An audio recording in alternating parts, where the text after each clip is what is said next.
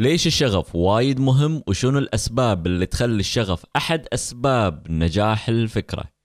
في ابيسود اليوم راح أعطيك ثلاث أسباب توضح أهمية الشغف ودورة في نجاحك في عالم ريادة الأعمال.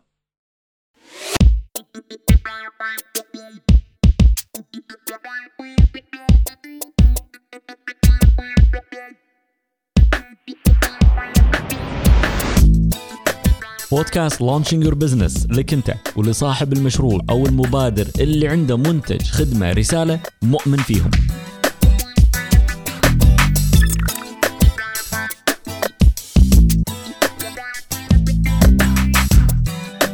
أنا اسمي خالد الزنكي. كل أسبوع راح نلقي نظرة خلف كواليس عالم ريادة الأعمال وراح نتكلم عن تكتيكات واستراتيجيات تسويقية علشان توصل منتجك خدمتك رسالتك لشريحة أكبر من الناس.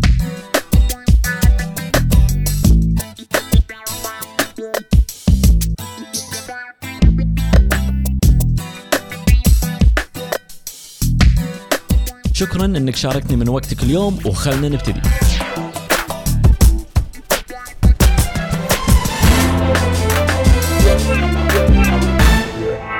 الشغف واحد من أهم الأشياء الغير ملموسة اللي تحرك ال entrepreneurs أو رائد الأعمال وهو الشيء اللي يحركهم في كل وقت. الأوقات الزينة الأوقات الصعبة وفي نهاية المطاف يأثر في نجاح شركاتهم الناشئة. لأن إذا ما كان عندك شغف والحماس في المشروع أو الفكرة اللي أنت قاعد تبنيها أعتقد من الأفضل إنك تسكر جناطك وتقعد بالبيت وما تسوي مشروع ولا تسوي business خصوصا في مرحلة بدء التشغيل والإطلاق. الشغف له دور وايد مهم لأن مالك أمل إنه ينجح المشروع إذا ما كان عندك شغف في الشيء اللي أنت قاعد تسويه. والحين خلينا نتكلم شنو تعريف الشغف؟ وايد ناس عندهم مفاهيم تعاريف مختلفة. الشغف عبارة عن شعور قوي ورغبة قوية بشيء لين يوصل إلى مرحلة الإفراط في الإيمان بالشيء لدرجة أنك توصل مرحلة حب غير محدود وتكرس وقتك ومجهودك في الشيء اللي أنت شغوف فيه. لو بحطها في معادلة سريعة من التعريف هذا الصغير راح نشوف أن الشغف عبارة عن إفراط مضروب في إيمان مضروب في حب. خلينا نعتبرها كمعادلة رياضية. فأي واحد من الثلاث عوامل هذه كل ما زادت كمية الإفراط وزاد رقم الإيمان وزاد رقم الحب هني يكون عندك شغف في الشيء اللي أنت قاعد تسويه. كل انتربرنور يحتاج الشغف في مشروعه خصوصا إذا كان ناشئ وكل ما كان الشغف ناضج ووصل لمرحلة النضوج في عالم ريادة الأعمال كل ما أثر بإيجابية على المشروع نفسه. والعادة نغرس الشغف شوية في معرفتنا في المنتج أو الخدمة اللي قاعد يتم إنشائها أو إطلاقها في السوق واللي ممكن تترجم إلى خبرة واضحة بالمجال وثقة واضحة إنك ماشي في الطريق الصح. وفي بعض الأحيان الشغف يكون هم معدي ويغذي المشروع وفريق العمل بالطاقة والحيوية، والأهم إن الشغف هو مثل الصمغ اللي يجمع الفريق مع بعض البعض في أصعب الأوقات اللي ممكن تمر عليك في عالم ريادة الأعمال وفي ال business. لأن مثل ما قلنا بالحلقات اللي فاتت في ال episodeات اللي فاتوا إن في عالم ريادة الأعمال عندك ال ups وال downs عندك عندك الدوامة من من التحديات والصعوبات والأوقات الزينة. فأنت كل ما كان الصمغ هذا قوي كل ما كان عندك شغف كل ما قدرت تجمع الفريق كل ما قدر الفريق يعدي الصعوبات والعقبات هذه اللي ممكن يمر فيها.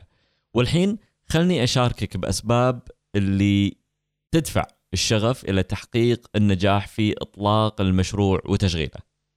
السبب الأول الشغف يساعد في تشكيل الفكرة. أنا الشغف دائما يساعدني في تشكيل فكرة كل مشروع أو منتج أقوم في إطلاقه.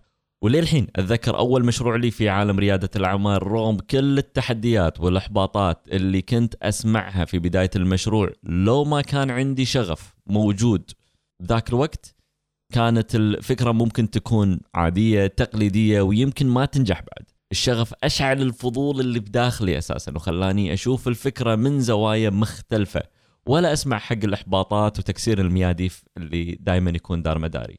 وتعتبر مرحلة تشكيل الفكرة من أهم مراحل المشروع لأنها راح تكون هي الأساس الصلب لإطلاق وتطوير المشروع.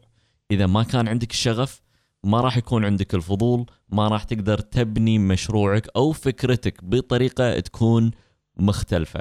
وأقدر أقول إن الشغف دفعني للتميز في الفكرة والإطلاق والتسويق وتطوير الفكرة والمشروع بذاك الوقت. وهم لليوم في كل فكرة في كل مشروع أشتغل فيها أحرص إنه يكون العميل أو الشخص صاحب الفكرة أو صاحب المشروع عنده الشغف في الشيء اللي هو قاعد يسويه، إذا ما كان عنده شغف راح يكون أكبر تحدي يواجهه ويواجهني أنا لما نشتغل وياه في إطلاق مشروعه أو منتجه.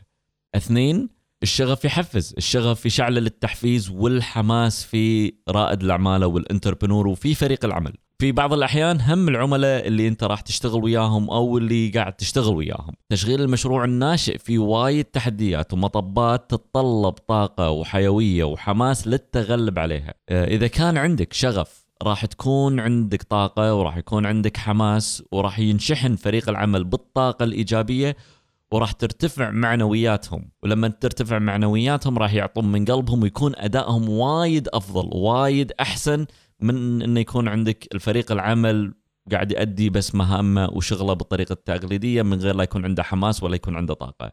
وهم الشغف يساهم في رفع المبيعات في المشروع، إذا كان عندك شغف في المنتج أو الخدمة اللي قاعد تقدمها آه راح يتحفز العميل أو العملاء في إنهم هم يشترون المنتج أو الخدمة من شركتك من بد كل المنافسين اللي في السوق ومن بد كل المنتجات والخدمات اللي موجودة في السوق، فالشغف راح يرفع مبيعاتك. شغفك انت شغف فريق العمل اللي دار مدارك راح يرفع مبيعاتك.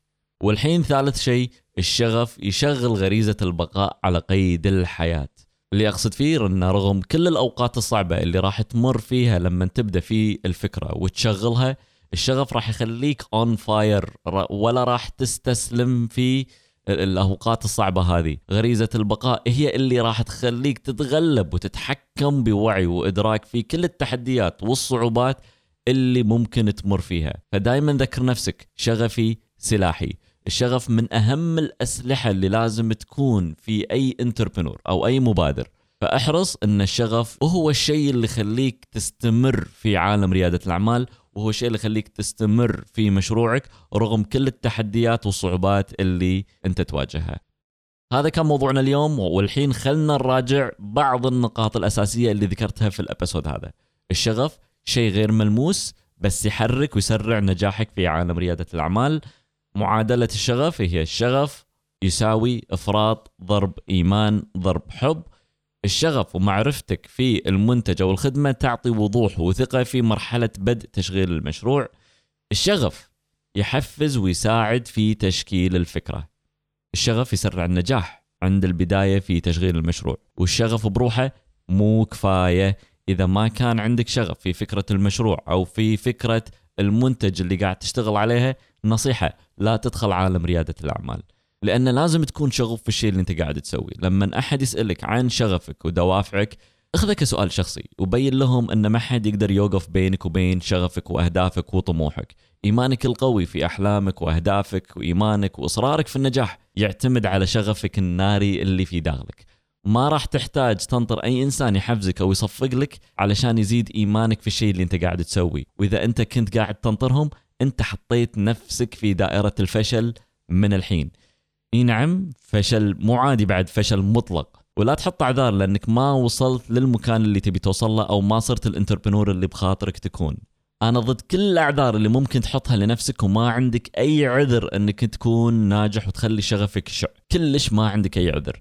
أنت لازم تشد حيلك وتعطي كل اللي بقلبك مهما ياخذ الشيء وقت ومهما ياخذ الشيء مجهود. وعلى قولة الشاعر إني عشقتك واتخذت قراري فلمن أقدم يا ترى أعذاري؟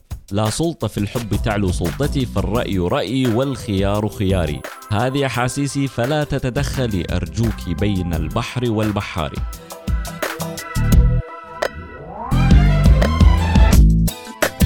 لحظة قبل لا تروح بقول لك شغلة بسرعة. وخلني أسألك أول شيء هل أنت قاعد تتابعني في إنستغرام؟ إذا مو قاعد تتابعني لازم تتابعني لأنك راح تشوف خلف الكواليس في كل شيء قاعدين نسويه في ال business بالإضافة إلى ال launches والإطلاقات اللي قاعد نسويها. أبيك تسمعني. إذا كنت تبي تشوف خلف الكواليس وشنو قاعد يصير وشلون قاعدين نبني ال business باستخدام التكتيكات والإستراتيجيات اللي تكلمنا عنها في بودكاست Launching Your Business زور الموقع الإلكتروني انستغرام خالد dot com راح يوديك على طول للإنستغرام المكان اللي راح تشوف فيه خلف الكواليس من خلال ال stories. إذا للحين ما سويت هالشيء لازم تسوي هالشيء الحين. okay؟ نشوفكم قريب إن شاء الله and launch!